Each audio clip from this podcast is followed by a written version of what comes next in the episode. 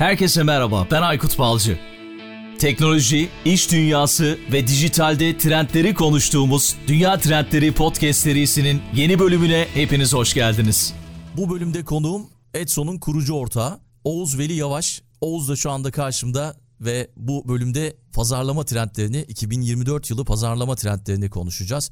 Kendisi bir dijital pazarlama danışmanı, eğitmen ve aynı zamanda mentor. Selamlar, hoş geldin Dünya Trendlerine. Selamlar, merhabalar, nasılsın? Çok teşekkür ederim, sen nasılsın? Ben de iyiyim, çok teşekkürler. Yani uzun zamandır devam eden, her yıl tabii podcast'i takip edenler belki bahsediyorumdur. Onlar da biliyor. Sürekli böyle bir öksürükle karşılaşıyorum. Faranjit. Yani bu iki ay falan sürüyor artık yani zaman zaman erteliyorum yayınları ama artık öksürük aksırık onları bir şekilde montajda atıyoruz. Böyle bir şey olursa da şimdiden kusura bakma. Yine böyle bir e, durumda karşındayım yani. Yani hiç sıkıntı yok. Şu an zaten kimle konuşsam hasta. Bizim toplantılarımız da full öksürükle geçiyor. O yüzden çok alışık olduğumuz bence insanların da yadırgamayacağı bir dönemdeyiz şu anda. Kesinlikle öyle. Peki istersen girişte hikayemiz nasıl, tanışma hikayemiz nasıl oldu ondan bahsedeyim. Siz bir rapor hazırladınız. Daha doğrusu başka araştırma şirketleri tarafından hazırlanan raporları derlediniz ve kendi yorumlarınızı katıp pazarlama dünyasında yapay zeka ile ilgili bir araştırma sundunuz bize. Ben de geçtiğimiz günlerde bunu gördüm. Hemen sana ulaştım. Sen de çok yoğunsun biliyorum ama vakit ayırdın ve bu bölümde 2024 pazarlama trendlerini konuşalım istedim. Öncelikle teşekkür ediyorum böyle bir rapor hazırladığınız için. Yani o konuda da sadece hani yapay zeka değil aslında pazarlama doğrudan dijital pazarlama trendleriyle ilgili de benim kendi sistemde mevcut şu anda. Giren herkes indirebilir. Tamamen ücretsiz ve Türkçe olarak. Senin de söylediğin gibi aslında bunlar zaten global şirketler tarafından yapılan raporlar. Biz biraz daha Türkçe'ye ve Türkiye'deki mevcut dijital pazarlama durumuna uygun hale getirip yayınlıyoruz ki insanlar kendi dillerinde de bilgi edinebilsinler. Çünkü İngilizce içerik okumak bu sektörde yeniysen veya düzenli olarak e, bir şeyler okumak gerektiğinden insanlar için çok sıkıcı hale gelebiliyor. En azından kendi evet. dillerinde daha rahat okuyabilsinler istediğimiz için yapıyoruz bunda. Çok haklısın. Bir de uzun raporları böyle özet halinde sunmak da çok değerli. O yüzden podcast'in evet. açıklama kısmında da o raporları ben paylaşırım. İlgilenenler bakarlar, okumak isteyenler. Ki zaten bu bölümde de biz biraz böyle özet niteliğinde bir bölüm yapacağız. Ama öncesinde belki seni biraz tanıyalım. Oğuz Veli Yavaş kimdir, hikayesi nasıl, neler yapıyor son dönemde. Ondan sonra da konumuza gireriz diye düşünüyorum. Tabii ki. Hani kısaca bahsetmeye çalışayım. Çok böyle zorlandığım bir soru tek bir iş yapmadığımız için dijitalde ne yazık ki. O yüzden ikiye bölüyorum genelde anlatırken daha rahat olsun diye. Bizim mevcutta Edson Dijital Pazarlama Ajansı'nda yaptığımız iş aslında temelde markaların PPC dediğimiz reklamlarını yönetmek performans odaklı. Burada da hem Meta'nın hem de Google'ın global partnerlerinden biriyiz zaten. E, ve aktif olarak da 50 plus marka ile şu anda sürecimizi devam ettiriyoruz orada. Bunun dışında bir de e, süreç içerisinde gelişen ve tamamen talepten doğan bir eğitim şirketimiz var. Bu eğitim şirketinde de dijital pazarlamayı öğrenmek isteyen ancak buna yeterince vakit ayıramayan bireysel kişiler, ajanslar, dijital pazarlama profesyonellerine yönelik eğitimler var. Üçüncü bir noktada zaten eğitime bağlı olarak mentörlükler yapıyoruz. Bunlar genelde anlaşmalı kurumlarla olan e, mentörlükler oluyor. Şu an mesela aktif olarak işte Headquarters'la birlikte e, Ticaret Bakanlığı'nın ve işte e, Meta'nın sponsor olduğu Meta Boost programı var. Orada da şu anda küçük işletmelere aslında destek programı dahilinde Meta'nın mentörlük yapıyoruz. Nasıl başlayacaklar, nasıl devam edecekler ve kendi kullandıkları araçları dijital pazarlamaya nasıl adapte edebilirler? Bunları konuştuğumuz bir mentörlük sürecimiz var. Genel olarak böyle özetleyebilirim aslında. Harika. İlgilenenler zaten sana ulaşabilirler. Her, her konuda zaman. her zaman yardım edersin diye düşünüyorum. Peki rapor Rapordan yola çıkarak özellikle 2023 yılında yapay zekanın çok fazla yükseldiği bir yıl oldu. Herkes yapay zekayı konuştu ve yapay zeka belli alanlarda da artık sokak seviyesine kadar indi diyebilirim. Özellikle içerik üretme konusunda, pazarlama tarafında. Pazarlamacılar yani evet. pazarlama profesyonelleri yapay zekayı en çok hangi amaçlarla kullanıyorlar? Belki bununla başlayabiliriz. Ee, yani senin de dediğin gibi aslında ilk etapta herkes içerik üretim için kullanmaya başladı. Bu çünkü akla gelen ilk şey. İnsanlar için özellikle bu pandemiden sonra artan içerik üretim sayısında yetişebilmek hem marka tarafında hem de ajans tarafında bütün profesyonellerin en büyük derdi. Çünkü fikir üretmek gerekiyor, içeriğin altını doldurmak gerekiyor. Yapay zeka 2023 yılında ilk bunu kapattı aslında. Ama işe biraz daha yani sadece ChatGPT'de bana içerik fikirleri üret demekten öteye götüren kişiler yani API'ni kullananlar, farklı araçlarla birleştirenler, kendi GPT'sini eğitenlerin kullanım alanları ise biraz daha değişiklik gösteriyor tabii ki. Burada neler için kullanıyoruz? Yani biz kendinden de örnek vereyim. Birincisi tabii ki içerik metinleri, reklam metinleri yazma konusunda doğru eğitirseniz yani yapay zekayı bu konuda daha önce iyi sonuç aldığınız verilerle beslerseniz çok güzel sonuçlar alabiliyoruz. İkincisi az önce bahsettiğim gibi doğrudan içeriklerin görsel üretimi ve video üretimi noktasında da çok fazla faydalanıyoruz. Ama bunların dışında bir de veriyi işleme noktasında çok fazla kullanmaya başladım ben özellikle son 6 aydır. Buradaki veriyi işlemekten kastım da şu aslında işin reklamcılık tarafında da organik tarafta da bizim elimizde dijital pazarlama profesyonellerinde hep bir istatistik oluyor ama bu istatistiği biz kendimiz yorumluyoruz ve burada yorumlarken de genel olarak daha önceki deneyimlerimizi hep baz alıyoruz. Yani bir sonucu çıkarım yaparken daha önce aldığımız sonuçlardaki yol haritasına bakarak ilerliyoruz. Bu biraz aslında yanlı bir raporlama ve strateji çıkarma oluyor. Yapay zeka bu konuda çok daha iyi. Eğer istatistiksel olarak bir veri sunabiliyorsanız size hakikaten neyin başarılı olduğunu ve neyin yapılması gerektiği konusunda çok daha böyle nokta atışı veriler çıkartabiliyor. Özellikle üçüncü madde olarak bunu kesinlikle söylemek istiyorum. Benim çok hayatımı kolaylaştırdı. Yani bugün bir reklam da çıkıyor olabilirsiniz. Organikte içerik paylaşan e, bir içerik üretici de olabilirsiniz. Bir hizmet veren bir ajans da olabilirsiniz. Markada neyin başarılı gittiğini öğrenmek istiyorsanız tek yapmanız gereken aslında istatistikleri kullandığınız yapay zeka aracına tanımlayıp işlemesini sağlamak. Dördüncüsü de aslında marka tarafında çok kullanılan yöntemi. Profesyoneller de aynı şekilde çok kullanıyor son dönemde. O da işin CRM tarafında çünkü yapay zekayı artık eğitebildiğimiz ve bu eğitme noktası normalde API bağlantılarıyla biraz daha teknik insanların yapabildiği bir şeyken ChatGPT buna önderlik etti. Ve şu an herkes kendi GPT'sini oluşturabiliyor çok rahat bir şekilde. O yüzden markalarda CRM dediğimiz yani müşteri yönetim sistemlerini buna entegre ederek müşterilerine çok daha özelleştirilmiş ve normalde vakit alan yönlendirme işlemlerini, cevaplandırma işlemlerini yapabiliyorlar. Hatta çok yakın zamanda bir markamız kendisi teklif hazırlama sürecinde kurumsal bir firma ve B2B işler yapıyor hep. Yani karşısındaki de büyük firmalar ve onlara hep düzenli olarak teklif hazırlamaları gerekiyor ve ciddi anlamda çok vakit alıyordu. Bunu yapay zeka ile çok basit halde kendisi otomatik üretecek bir tekliflendirme modülü yazdılar ve şu anda bütün işlerini bununla hallediyorlar. Bence çok güzel bir kişinin üzerinden birkaç kişinin yaptığı işi saniyelere indirme açısından çok güzel bir örnek. Burada bu bir maddeler örnek... bence şu an en çok kullanılan şey bu. Burada bir örnek verebilirim verebilirim. Geçtiğimiz günlerde aynı konuda senin anlattığın konuda bir şirket yapay zekayı kullanıyormuş teklif verme konusunda ve müşteriye gidiyorlar. İşte müşteri isteklerini söylüyor. Satışçı arkadaş hemen yani 5-6 dakika içerisinde teklifi hazırlayıp müşterisinin potansiyel müşterisinin önüne tak diye koyuyor. O müşteri şey demişti. Ben bundan inanılmaz etkilendim. Yani bunu nasıl yaptınız da yapabiliyorsunuz? Çünkü genelde işleyiş şöyle olur. Bilgileri alır sizden o satışçı. Onun bir satış destek asistanı vardır. Ona gider bilgiler. O işte sisteme girer, teklifini hazırlar. Ondan sonra teklif şirkete gider. İşte o şirket de Aynen. mesela yapay zekayı kullanıyormuş ve müşteri de bundan çok etkilenmiş. Ya hemen anında bana bir teklif geçildi. Çok yani objektif bulmuş bunu. Güvenilir bulmuş daha doğrusu. Ve verdiğin örnek çok kıymetli gerçekten. O alanda mesela onu kullanan şirketler kesinlikle şu anda 1-0 öndeler yani. Öyle gözüküyor. Evet yani özellikle B2B işlerde e, yani sektörü fark etmeksizin bu tarz işlemler ciddi anlamda çok fazla angarya ve ciddi anlamda birkaç kişinin mesai ayırıp üzerine çalışması gereken işler. Yapay zeka özellikle bu konularda ciddi anlamda çok hızlı çözümler üretiyor. Eğer hani markası için hala kullanmayan varsa muhakkak bir yerde faydalanabilir ki insanlarda o oluyor biraz. Ya ben işim için nasıl kullanacağımı bilmiyorum noktası.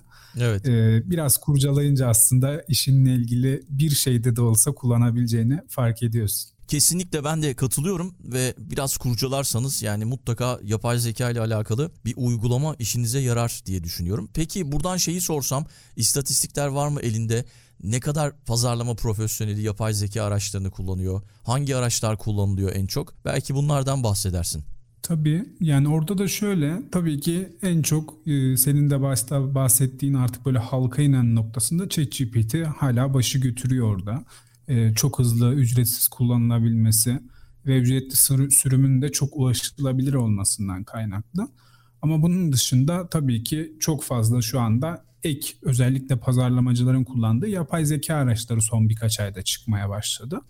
Ee, burada hani benim bildiklerim ve kullandıklarımdan işte Jasper AI var şu anda kullanılan. Ee, yine ChatGPT'ye bağlı Dolly modeli çok fazla kullanılıyor. SEMrush'ın hatta geçtiğimiz gün bizde bir içerik hazırladık bununla ilgili. İçerik ve reklam metni yazma konusunda ürettiği araçlar çok fazla kullanılıyor. Böyle aslında işte Wordtune, Luca gibi bir sürü farklı platform var ve insanlar ihtiyacına göre burada eğitilmiş yapay zeka modellerini alıp kullanabiliyorlar. Ama gün sonunda hani bu saydıklarım dışındaki çoğu e, hala yapay zeka aracı. Yine ChatGPT tabanlı olduğundan tavsiyem her zaman ChatGPT'yi baz almaları ve orada bir şeyler üretip bunu bağlamaları çok daha verimli olacaktır şu anda. Tabii ki ilerleyen zamanlarda farklı firmaların özellikle şu anda Google'un atak yaptığını biliyoruz evet. bu konuda. Bunların da kullanımını çok daha fazla öneriyor olacağız ama şu anda hani mevcut durumda sorduğun için ilk sıraya hala ben ChatGPT'yi koyarım bu noktada sunduğu imkanlar ve uzun süredir devam eden bir geliştirme sürecinde içinde oldukları için diğerlerinin yetişmesi biraz vakit alacak gördüğüm kadarıyla. İstatistik olarak da net bir istatistik elimde şu anda hazırda yok. Ancak hatırladığım kadarıyla söyleyeceğim. 2023 yılında trend raporlarını bu zaten paylaşacağımız raporlar içerisinde de var. Yani orada bin kişinin katıldığı bin tane globaldeki dijital pazarlama uzmanı ki bunlar kendi alanlarında bilinen ve farklı sektörlere önderlik eden kişiler. Bunların katıldığı bir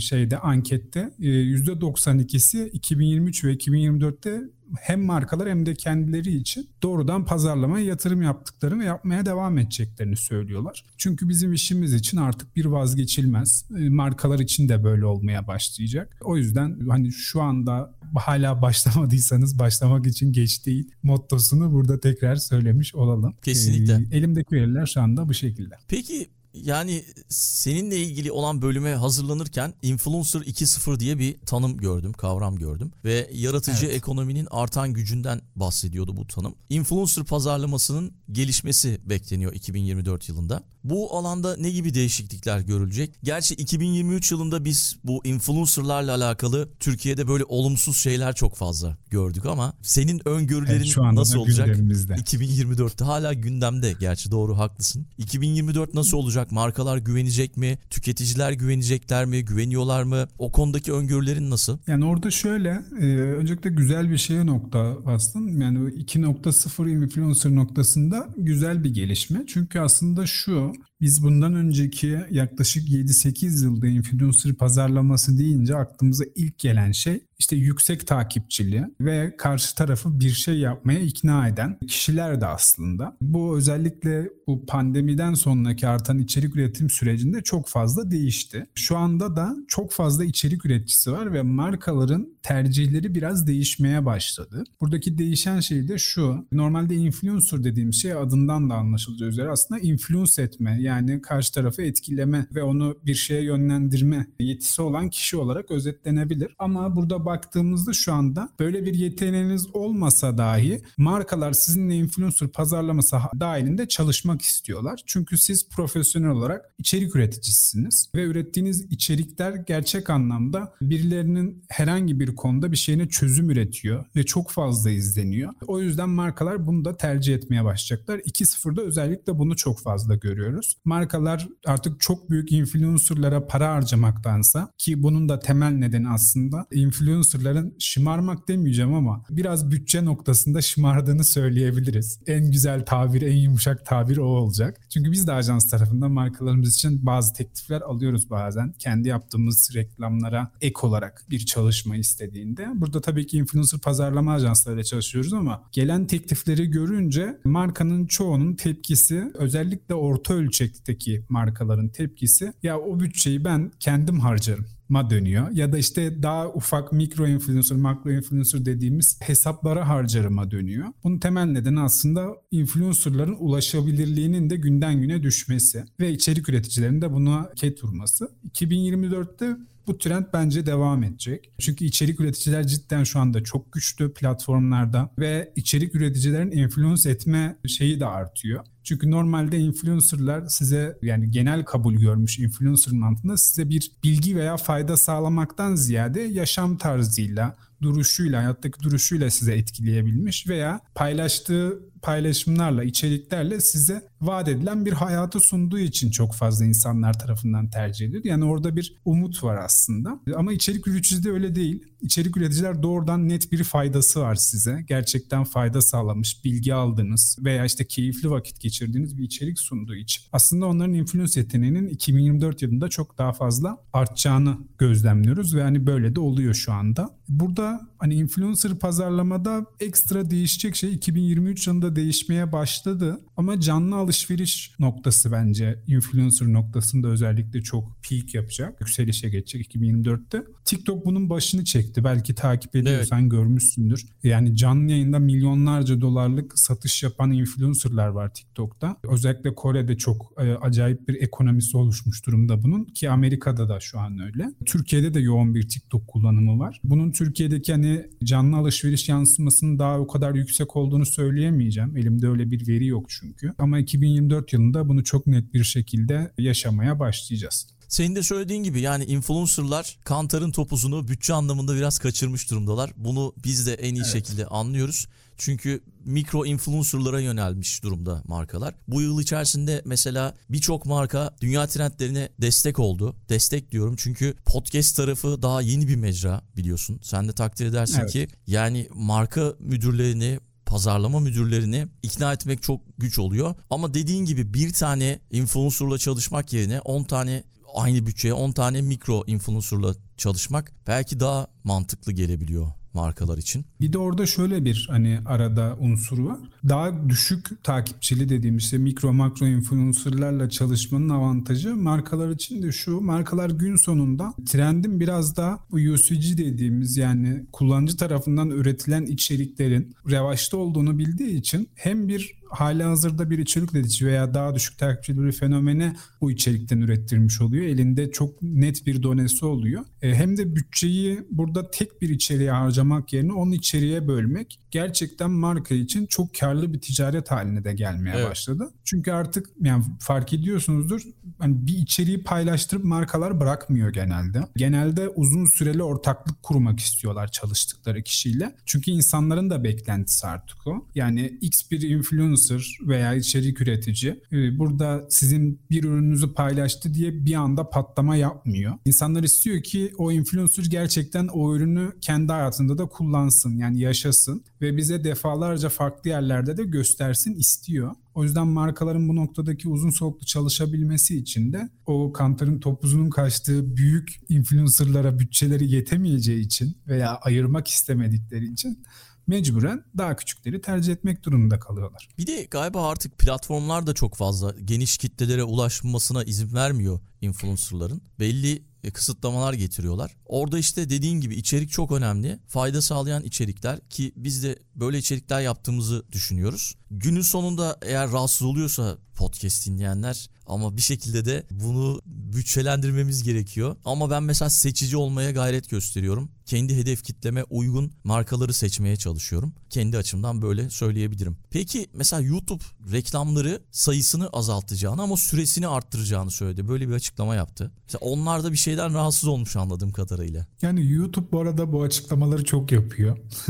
ama sonunda çok değişken bir şey çıkıyor ortaya genelde. Buradaki noktada da şu sayı genelde insanları daha çok rahatsız ediyor fark ettiysen. Yani e, bir videoyu izlerken veya bir içeriği tüketirken tek uzun bir reklamda kalkıp gidip bir şey alıp dönebiliyorsun. Evet. Veya o anda başka bir şeyini yapabiliyorsun. Ama ard arda iki tane olduğunda ne zaman biteceği konusunda seni çok arada bırakıyor sistem. İnsanların bence o gerçekten hani belki nöropazarlamada bir karşılığı da vardır bizim bilmediğimiz. Bir bug'ı aslında. Tek reklamı o kadar çok sinirlenmiyorlar ama iki reklam, üç reklam ard arda olduğu dönemler oldu çünkü. Gerçekten insanlarda bir bunalmışlık hissiyatına e, neden oluyor. O yüzden tek reklam olması bence çok mantıklı olur. Daha uzun olabilir. İnsanlar için premium'a geçme noktasında da bir itici güç olacaktır. Eğer ulaşılabilir yaparlarsa onu da bizim için kötü ama insanlık için iyi bir şey yapmış olurlar.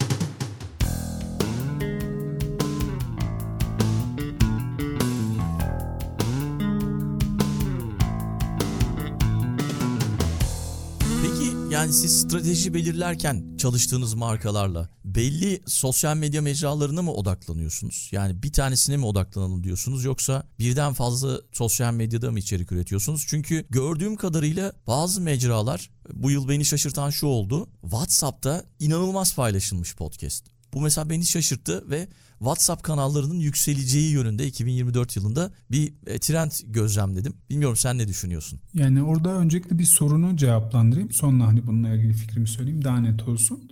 Ya orada biz hani çalışma yaparken olması gereken de bu zaten. Markanın aslında hedef kitlesinin olduğu platformlara göre hareket ediyoruz ama orada bir kriterimiz oluyor. Kriter de tabii ki markanın yatırım gücü oluyor. Hem maddi hem zaman olarak. E, her şey maddiyatla da bitmiyor çünkü. Yani markanın çok büyük reklam bütçesi yapabilecek yatırım gücü olmasına rağmen bütün platformlarda yer alamıyor. Çünkü onun şartlarını yerine getiremiyor. Çünkü insanlarda hala şu algı var ve bence 2024'te artık kırılması gereken, yıllardır da kırmaya çalıştığımız bir algı var. O da şu, üretilen her içeriği her platforma uyarlamaya çalışıyor insanlar. Instagram'da paylaştığınız bir içerik evet TikTok'ta belki iyi sonuç alabilir ama doğrudan TikTok'a uygun olmayabilir. Veya işte LinkedIn'e uygun olmayabilir. O yüzden hani tek bir içeriğin 3 platformda da iyi sonuç almasını beklemek çok gerçekçi değil. Çünkü çok fazla dinamiği var aslında. Bu e, platformların sunduğu özelliklerden ziyade hedef kitlenizin onları kullanma alışkanlıkları ve yaş aralığına göre de çok değişiyor. Haliyle biz de burada marka için bir planlama yaparken öncelik her zaman hedef kitleyi, o ürün ve hizmeti veya markayı nerede bulmak istediği, nerede etkilendiği, nerede sonuca gittiği üzerine bir strateji çıkartıyoruz. Burada da işte az önce bahsettiğim markanın yatırım gücüne bakarak aslında bir planlama çıkartıyoruz ki çünkü bizim amacımız tamamen performans odaklı bir yönetim yapmak. O yüzden hani ben tam böyle Türkçe'ye uyarlanmış versiyonuna bir şeyin suyunu sıkmak diyorum artık böyle. Yani taşın suyunu sıkmak hakikaten bizim oradaki noktamız. Markaları anlatırken de böyle şey yapıyoruz. Gerçekten böyle kuruşu hesaplayıp e, ona göre hareket ettiğimiz bir stratejiyle ilerlemek zorundayız performans pazarlamada. O yüzden de markanın yatırım gücü en belirleyici unsur diyebilirim. İkinci sorun yani WhatsApp noktasında kesinlikle katılıyorum. Çünkü bu Telegram'da da böyle olmuştu. Telegram ilk patladığında Türkiye'de belki hatırlıyorsundur. İnsanlar gerçek anlamda hem çok fazla indirdiler hem orayı çok fazla kullandılar. Çünkü doğrudan bir mesajlaşma servisi aslında ki WhatsApp'ın yanına bile yaklaşamayacak bir mesajlaşma servisi. WhatsApp'ı şu anda kullanmayan kimse yok. Yani çok net bir şekilde yok kimse. Herhalde %99 Türkiye'de kullanım oranı vardır diye tahmin evet. ediyorum. Ben birkaç kişi tanıyorum. Ee, Telegram kullanıyorlar sadece ama ben de Telegram'a alışamadım bir türlü. Evet evet yani biz de bazı işler için markalarımızda kullanıyoruz. Daha yüksek dosya boyutu gönderme vesaire sunduğu için. Ama onun dışında her zaman WhatsApp'ı gündelik hayatımızda daha çok kullanıyoruz. Buna doğru kayması da bence normal. Hani hatta bu özellikle Çin'de çok görülen super app dediğimiz böyle uygulamalar var. Her şeyi tek bir yerden halledebildiğimiz. Hmm işte Elon Musk'ın yapmak istediği aslında. Ya bence 2024, 2025 ve önümüzdeki dönemlerde biraz ona da gideceğiz. Çünkü sende de öyledir diye tahmin ediyorum. Ben her iş için farklı bir app'e geçmekten çok sıkılmaya başladım. İnsanlar da çok sıkılıyorlar. Doğru. Çok normal bu. Güvendiği bir platformda bağlı kalmak istiyorlar. Bu iş biraz ona dönecek. Eskiden böyle bir gazeteyi aldığın zaman o gazeteyi düzenli almaya devam ederdin. Bu mantık biraz ona abonelik mantığı biraz ona dönecek diye tahmin ediyorum. Öngörüm bu sadece. Platformlar da zaten her alanda var olmaya başlıyorlar fark ettiyseniz. Yani sosyal medya platformları özellikle. Gelecekte de bizi böyle bir şey bekliyor ve WhatsApp 2024'te bu konuda çok iyi olacak. Kanal noktasında da takip ettiğim özellikle büyük hesapları ciddi anlamda çok severek takip ediyorum WhatsApp'tan da. Çünkü benim için çok kolay. Yani annemden gelen bir mesaja bakar bakarken hemen sağ tarafta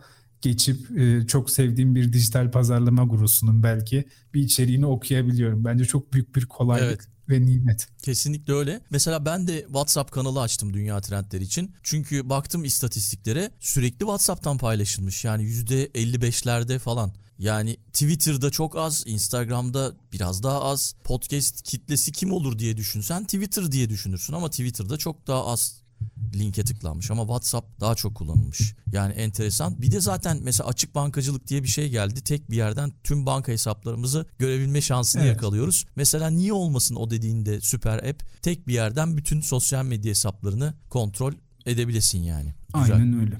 Yani beklentimiz o yönde şu anda. Peki şeyden bahsetsek biraz sesli arama giderek büyüyor, ilgi görüyor. 2024'te dijital pazarlamanın önemli bir bileşeni olması bekleniyor. Bu alanda bizi neler bekliyor? Yani bu belki hani kullanıcılar şu anda dinleyiciler arasında da vardır. Yani bunu yoğun kullanmaya başlayan. İnsanlarda böyle bir trend var artık. Yani e, yazmak yerine özellikle uzun kuyruklu dediğimiz bir konu araştırma yaparken yazmak yerine cidden sesli e, o dikteyle aramayı çok fazla yapıyorlar. Hani bu işin bir kısmı. Bir de bunun dışında bizim işte home aksesuarı dediğimiz ev ekipmanlarımız var. Sesli komutla yönettiğimiz. Bunlar da işin bir parçası. Çünkü gerçekten bir şeyi sesle halletmek eğer bu konuda çok böyle şey değilseniz ki hani tartışmalardan biri de o şu anda. İşte yeni jenerasyonun biraz daha konuşmak yerine yazışmayı tercih etmesi söz konusu. Çünkü konuşmak sesli yapılacak ve her ortamda yapılamayacak bir şey bir komut vermek için. Ama gün sonunda insanların yoğun kullandığı ve özellikle kullandığımız araçlarda çok alıştığımız, keyif aldığımız bir süreç. Çünkü bir emir komuta zinciri var orada. İnsana keyifli gelen bir süreç var aslında. O makineye hükmetme şeyi bence psikolojik olarak insanlarda ayrı bir tatmin duygusu yaratıyor. Ee, bununla ilgili de yapılan hani şu andaki şeyler biraz daha ilk etapta benim gördüğüm arama motorları noktasında aslında şu anda çok fazla istatistik var bu konuda. Burada hani arama motorlarındaki istatistik temel olarak aslında şu. İnsanlar normalde işin dijital pazarlama tarafında SEO dediğimiz Search Engine Optimization dediğimiz bir arama motor optimizasyonu bölümü var aslında. Markalar burada tabii ki hedef kitlesinin olduğu yerde üst sırada yer almak için bir sürü teknik ve içerik anlamında çalışmalar yapıyor. Sesli arama noktasında da sitelerini buna uygun hale getirmek bu trendlerden biri şu anda. Ve yani 2024 yılında bence Türkiye'de de bunu çok daha fazla görmeye başlayacağız. Ama bu diğer birçok işte e, şu anda çok konuşamadığımız ama konuşmak istediğimiz, yanıp tutuştuğumuz işte AI konusunda da böyle. Ulaşılabilir olmaya başladığında bütün araçlarda çok daha fazla kullanılırlığı artacak. Ama 2024'te genel beklenti benim gördüğüm ve takip ettiğim kadarıyla söyleyeceğim bunda. Markaların bu noktada da artık yatırım yapmaya başlayacağı e, öngörülüyor. Temel nokta da orada şu. Biz sesli aramayı evet bazı işlerimiz için kullanıyoruz ve bunu çok daha sık kullanmaya başladık ve kullanmaya da devam edeceğiz. Ve buna dayalı olarak da bir veri tabanı birikiyor aslında farkında olmadan. Çünkü biz bir şeyi konuşurken yazmadaki gibi bir normalde bizim işte arama motorlarında yazdığımız her şeyde search intent dediğimiz bir arama niyeti olur. Bu arama niyetini yazdığımız kelimelerden çıkarmaya çalışırız ama sesli aramada durum böyle değil. Sesli aramada eğer doğru bir veri tabanı kurulursa benim ararken ne hissettiğim ve ne amaçla e, o aramayı yaptığım konusunda çok daha gerçekçi öngörüler çıkartabiliyor sistemler. Haliyle bana bu konuda reklam çıkartmak ve beni doğru yönlendirmek de yine markaların elinde. Sesli arama noktasında bence 2024'te bunu çok fazla konuşuyor ve görüyor da olacağız. Yani bu konuda yapılan birkaç ufak çalışma var ama böyle çok büyük ölçekte olmadığı için yani benim en azından benim baktığım evet. ölçekte büyük olmadığı için yani milyonları daha konuşamadığımız için veri seti olarak daha temellendirebileceğim bir veri değil. Ama 2024'te bence bunu çok daha fazla, çok daha detaylı konuşuyor olacağız. Ama en temeli yine bence özellikle marka sahiplerinin SEO çalışmalarında çok duymaya başlayacağız bunu. Peki günümüz tüketicisi az önce sen de girişte söylemiştin kişiye özel deneyimler bekliyorlar. Sosyal medya, web siteleri hatta fiziksel mağazalar gibi çeşitli temas noktalarında markalar büyük miktarda veriler elde ediyorlar ve analizler yapıyorlar. Gelişmiş analizler kullanıyorlar. Bu bilgilerden yararlanıyorlar. 2024'te bu nasıl olacak açıkçası merak ediyorum ve yani programatik reklamcılık diye bir şey var. Böyle bir şey duydum. Evet. Markaların hedef kitlelerine ulaşma şeklini yeniden tanımlıyor. 2024'te bu nasıl olacak sence? Burada şimdi ilk etapta veri noktasına değinmek lazım ki hani dinleyenler için de daha böyle ayakları yere bassın. Veri noktasında şu andaki en çok konuşulan şey normalde markaların veya firmaların bu konudaki sosyal medya platformunun veri toplama mantığı çerez dediğimiz aslında tarayıcımızda arka planda toplanan üçüncü parti yazılımlarla toplanan verilere dayanıyordu. Bu çok sağlıklı bir yöntem değil artık. Çünkü kimse özellikle bu Türkiye'de işte mesela şu anda KVKK çıktı ve insanlar buna çok dikkat etmeye çalışıyorlar. İşte Avrupa'da GDPR var. E, insanların çok şey yaptığı. Amerika'da ve diğer ülkelerde de artan bu konudaki veri gizli hakları ile ilgili çok fazla söylem var. İnsanlar verilerini gerçek anlamda paylaşmak istemiyorlar. Haliyle durum böyle olunca birçok firmada Apple kullanıyorsanız, herhangi bir ürünü kullanıyorsanız kesinlikle karşınıza son bir senede çıkmıştır. Bu site sizin verinizi takip etmek istiyor, izin veriyor musunuz? Veya bu uygulama sizinle bilgilerinize dayanan bir şeyler paylaşmak istiyor, izin veriyor musunuz gibi uyarılar çıkmaya başlıyor. Bu işte işin değişen noktası. Yani dijital noktada markaların o programatik reklamlara geçmesinin temel noktası bu. Çünkü biz markalarda çalışma yaparken isteriz ki karşı tarafın verisini elimizde olabildiğince detaylı tutalım ve bu tuttuğumuz veride de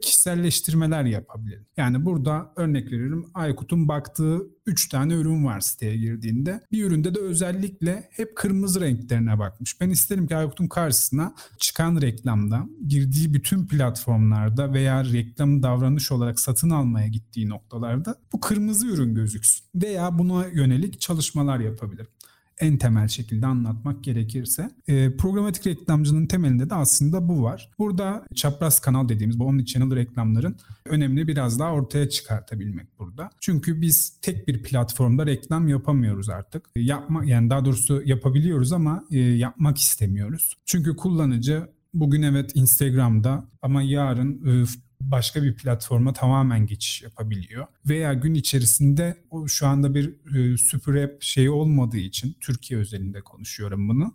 Birçok farklı platforma giriyor ve kullanıcıyı kaçırma ihtimalimiz çok yüksek. O yüzden de burada e, farklı kanalların kullanılması gerekiyor. Bu özellikle programatik reklamcılıkta da normalde eskiden şu vardı. Biz yayıncılardan bu konuda bir satın alım yapardık. Yani ne demek bu? Siz örnek veriyorum gidiyordunuz hürriyete diyordunuz ki ben sizin bu alanınızda çıkmak istiyorum reklam olarak. Şimdi artık mantık bunda biraz daha değişti. Ee, bunun sağlayıcıları var. Google bunlardan bir tanesi. Böyle birkaç tane daha SSP var aslında. Ve bunlarda doğrudan şunu yapabiliyorsunuz. Kullanıcı sizin internet sitenize geldi veya herhangi bir yerden bir veri setinden size temas etti. Bu kullanıcının girdiği bu platformlarda da zaten keyif geçir, keyifle vakit geçirdiği ve baktığı yerde var olmak için yapılan çalışmaların tümü aslında. 2024 yılında da artık bu çerezsiz döneme geçeceğimiz için yani artık üçüncü taraf çerezlerle toplanan veriler yerine doğrucudan sunucu tabanlı yollanan ve kullanıcıların herhangi bir veri gizliliğini ihlal edebileceği durum olmadan yapılan çalışmalar çok daha fazla öneme sahip olacak ve bütün markaların da bu konuda yatırım yapması gerekecek. Şu an mesela temel sıkıntı insanların e, birçok marka hala hem meta tarafında hem işte Twitter, Google, LinkedIn tarafında hala sunucu tabanlı veri yollamayı